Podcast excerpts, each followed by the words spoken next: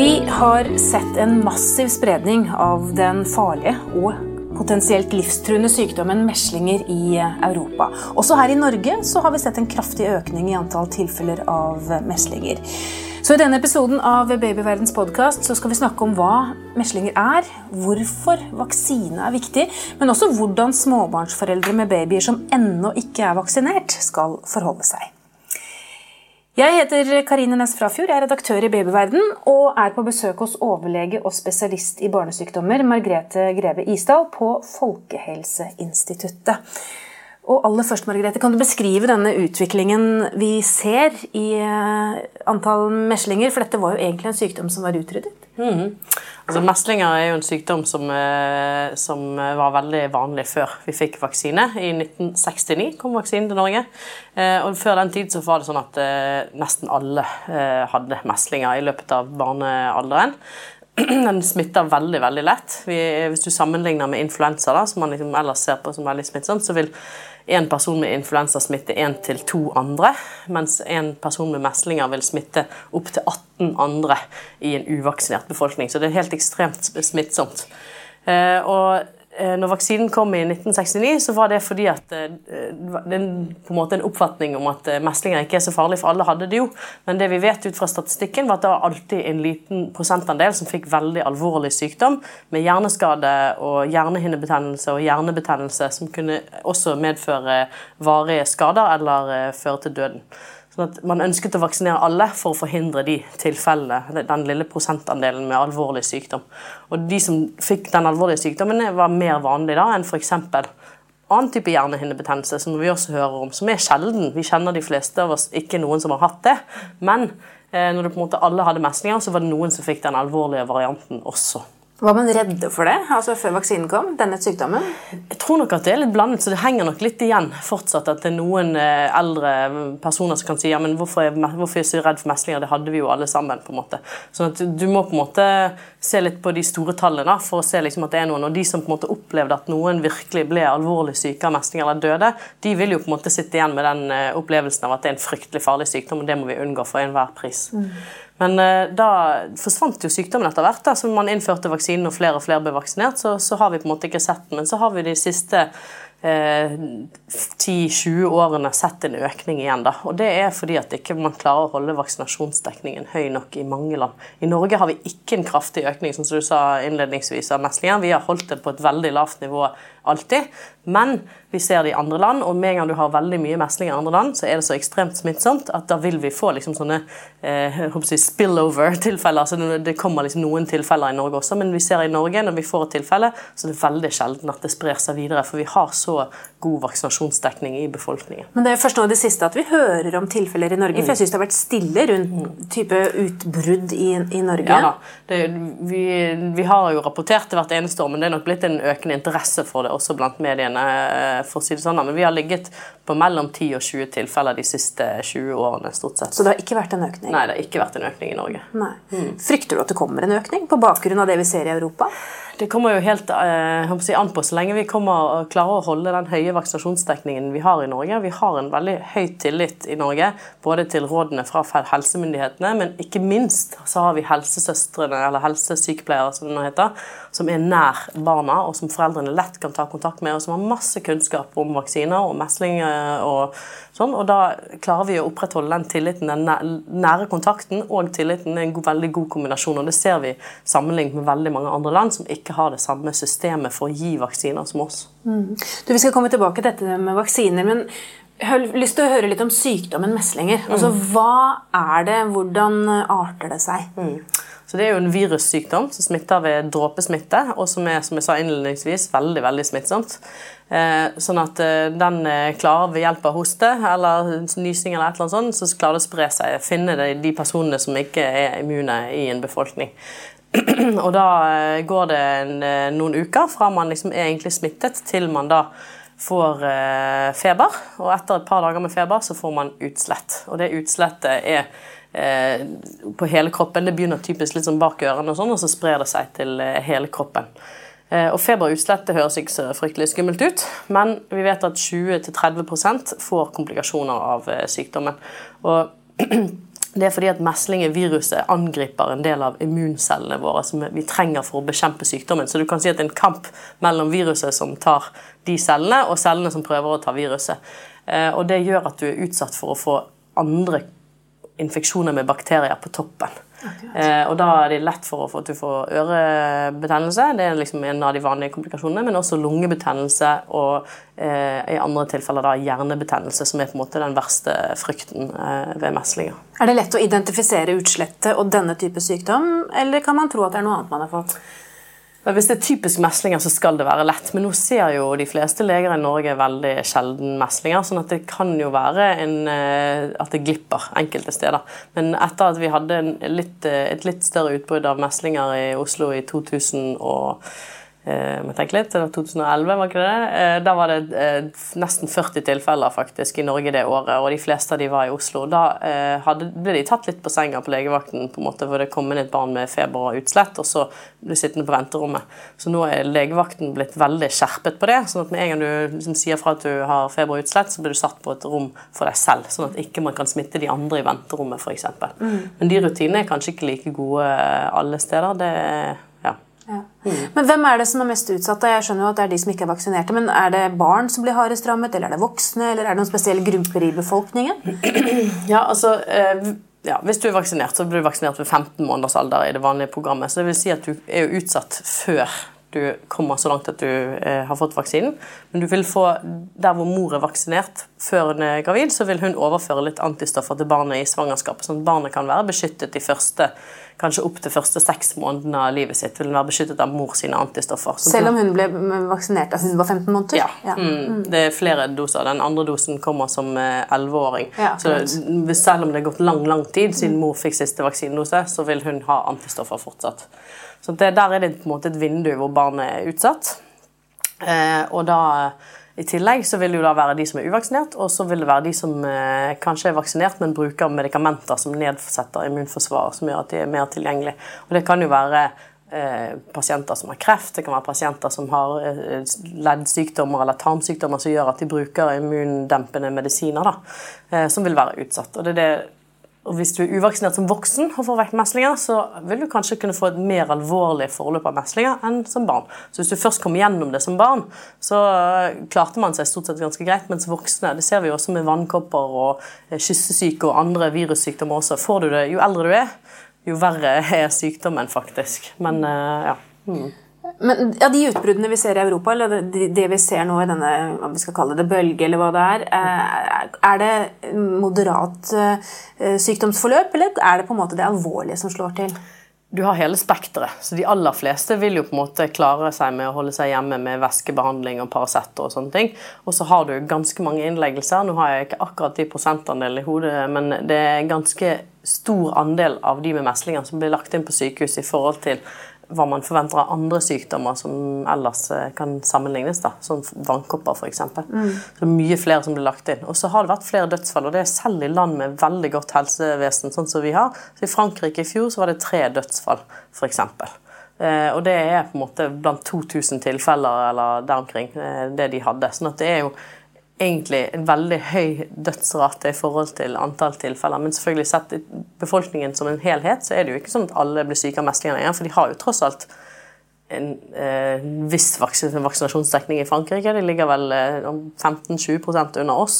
Så det er jo ikke, de har en mulighet for at det sprer seg i befolkningen, men, eh, men eh, det er likevel ikke sånn at alle får det. Mm.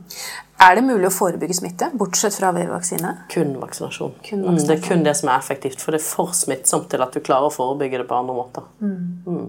Vi skal snakke mer om uh, meslinger og vaksiner, uh, hva vaksinene er og hva de gjør. Uh, men først så tar vi en bitte liten pause. Ja, jeg er altså hos, på Folkehelseinstituttet. Snakker med overlege og spesialist i barnesykdommer Margrethe Greve Isdal. Og temaet er meslinger.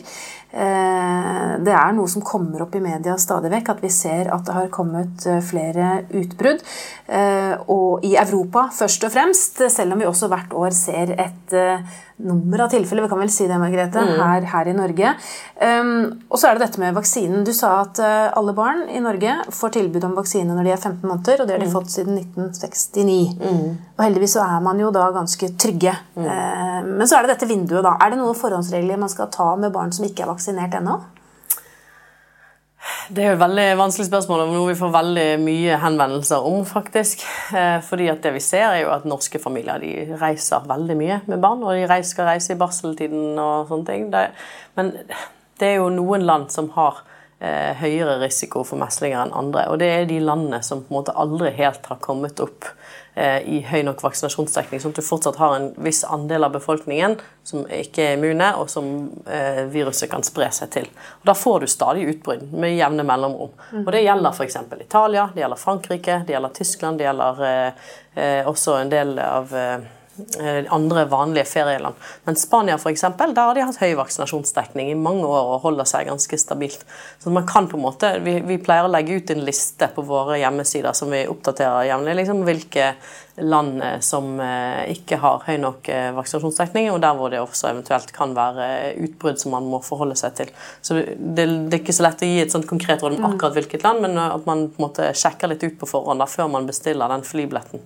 Men siden man drar til et land som Frankrike eller Italia, da, som ikke har så høy vaksinasjonsdekning, er det så enkelt at man kan risikere å være på en buss eller på et fly med et menneske som er smittet, og så, så vil barnet, det uvaksinerte barnet da også bli smittet? Det kan det være, faktisk. Mm.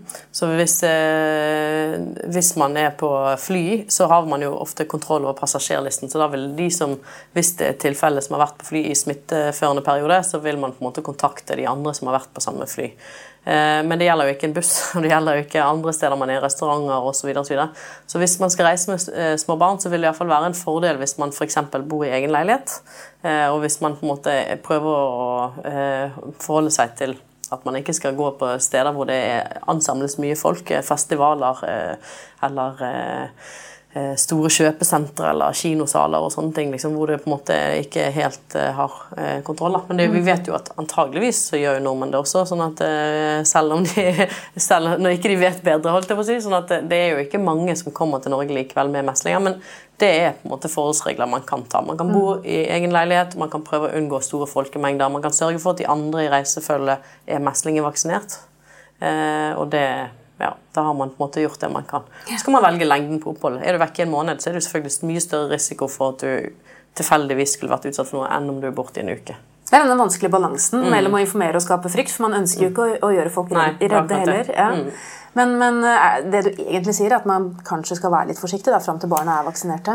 Ja, jeg tenkte i hvert fall på det med mine barn. Liksom, så prøvde jeg å tenke når jeg skulle på ferie. Så tenkte jeg for det første at liksom, ok, er det steder hvor du kan smittes av ting du ikke har lyst til? Og det andre er har de et godt helsevesen der? For jeg tenker jo selvfølgelig alltid plan B i tilfelle man blir syk og må havne på sykehus. Hvilket land vil jeg ikke på sykehus på? ikke sant? Ja. Ja. Så det er greit å være litt eh, bevisst rundt det. da, Ja, om ikke. Selv om det er en liten risiko, så er den jo til stede. Vi er jo veldig glad i å reise, og vi reiser mye, men vi har nok kanskje glemt litt at ikke alle andre land som er som Norge. Ja. si sånn. I gamle dager så reiste man til Sverige og Danmark på ferie, og det var det, liksom, mens nå skal man reise veldig mange eksotiske steder. Ja. Det trenger ikke være så eksotisk heller. Det er Nei ikke så langt. Frankrike og Italia er ikke så eksotisk, men det, det, er liksom, det er blitt normen da, istedenfor å dra til Sverige og Danmark. Mm. Og så var det dette med vaksiner. Du sier at vi er jo heldigvis flinke til å, å vaksinere oss uh, i Norge. Men helt kort, hva er, hva er det denne vaksinen gjør? Altså, hva, hva er det det er for noe, egentlig? Så denne meslingvaksinen, eller MMR-vaksinen, den vaksineres, der vaksineres mot tre sykdommer. Det er meslinger, kusma og røde hunder i samme vaksine. Og akkurat den vaksinen består av levende svekket virus. Så du får på en måte en litt sånn svimslått svimeslått virusvariant eh, som injiseres sammen med eh, noe andre stoffer som gjør at ikke det skal for vokse opp bakterier eller sånne ting. Ikke noe kvikksølv, det får vi også mye spørsmål. Det fins ikke kvikksølv i noen av de norske barnevaksinene. Eh, og denne vaksinen inneholder heller ikke aluminium. Men den, eh, da vil det på en måte, dette svekkede viruset eh, stimulere immunforsvaret. Og så vil immunforsvaret ta knekken på dette svekkede viruset, for her er balansen på en måte forskjøvet i favør av eh, immunforsvaret, sånn at eh, vaksineviruset blir borte. Og så er det immunforsvaret da trent opp at dette her, vi det, treffer vi på dette her igjen, så skal vi angripe.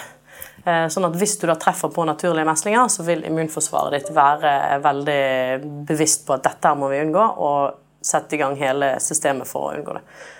Nå er det jo sånn at Selv om man er vaksinert, så kan man bli syk likevel. Men da får man oftest et mildere sykdomsforløp, og man har veldig mye mindre risiko for å smitte andre. Mm. Så Det har man sett i det utbruddet som var i Gøteborg for eksempel, nå for halvannet år siden hvor eh, man så at de som var vaksinerte, hadde veldig vanskelig for å smitte andre. sånn at det stopper spredningen, det at du har en høy vaksinasjonsdekning. Men det kan jo være litt forvirrende at man mm. tror man er vaksinert, og så kan man allikevel få sykdommen i en mild variant? Ja da, man kan det. Og det er jo liksom, noen av disse skeptikerne kritiserer jo det, for da ser de på tallene og sier ja, men herlighet, alle sammen, eller nesten alle som var eh, syke, de var jo vaksinert. Men mm. det er på en måte forklaringen at du kan det er, så, det er på såpass smittsomt det viruset at det kan gi deg sykdom likevel, men da har du på en måte likevel fått en forberedelse, så at du har en bedre mulighet til å ta knekken på viruset, og du har mindre risiko for å smitte andre, sånn at det stopper opp. på en måte. Mm. Du får ikke den der enorme utbruddet som du hadde i befolkningen som tidligere. Kan man snu litt på det og si at man kan få en positiv effekt av de utbruddene som har vært i Europa, ved at folk blir mer bevisste på å faktisk gjennomføre vaksinasjonen? Jeg tror iallfall vi kan si det i Norge, ja. Fordi eh, Vi så jo det på det utbruddet som egentlig startet hele debatten i Norge, syns jeg. da. Det var i 2015, når det var et utbrudd som startet i Disneyland, faktisk, i, i California. Eh, og da ble det en enorm bevissthet i Norge på rundt dette her med at ikke bare individuell eh, avgjørelse å ta vaksinen, men det er også på en måte dette at vi alle sammen som er immunfriske, vi må hjelpe å bygge opp denne flokkbeskyttelsen, sånn at vi beskytter våre minste. For det, det at vi alle andre rundt er vaksinert, gjør at viruset vil ha vanskelig for å finne frem til de der enkeltpersonene som, er, som ikke er vaksinert, eller som ikke har effekt av vaksinen fordi de får Eh, immundempende behandling, f.eks. Så vi er ikke så egoistiske, rett og slett? Vi er Nei. flinke til å tenke på En veldig solidaritetstanke som er veldig fin å se at vi har i Norge. altså. Mm. Hva tenker du om, om, meslinger fremover? Er det en sykdom som vi kan utrydde igjen? Altså, Norge har jo for så vidt eh, egentlig kvalifisert for det vi kaller for å utrydde meslinger. det ved at vi ikke har Eh, vi får importert si, noen tilfeller med personer som har vært i utlandet, men at det i liten grad smitter videre, og, det stopper opp etter kanskje én smitterunde til. da, eh, Mens det ikke er sånn at det sprer seg til resten av befolkningen. Så vi har jo på en måte utryddet meslinger. Eh, det er jo en del europeiske land som ikke har gjort det. USA hadde utryddet meslinger, men så har de hatt et ganske stort utbrudd nå men som er veldig lokalt, i, i New York, i en sånn ortodoks jødisk befolkning som er mot eh, mot vaksinasjon. Og Der har på en måte de ikke klart å stoppe utryddet, Så da har de alle smittet hverandre. så Nesten alle barna og de ungdommene da, i denne befolkningen som ikke var vaksinert, de har jo på en måte da holdt, holdt det gående ganske lenge nå. Så de har jo hatt et utbrudd som har vart i over et år, faktisk. Sier du det? Mm. Ja. Men det er jo altså risikoen man tar. Mm. Mm.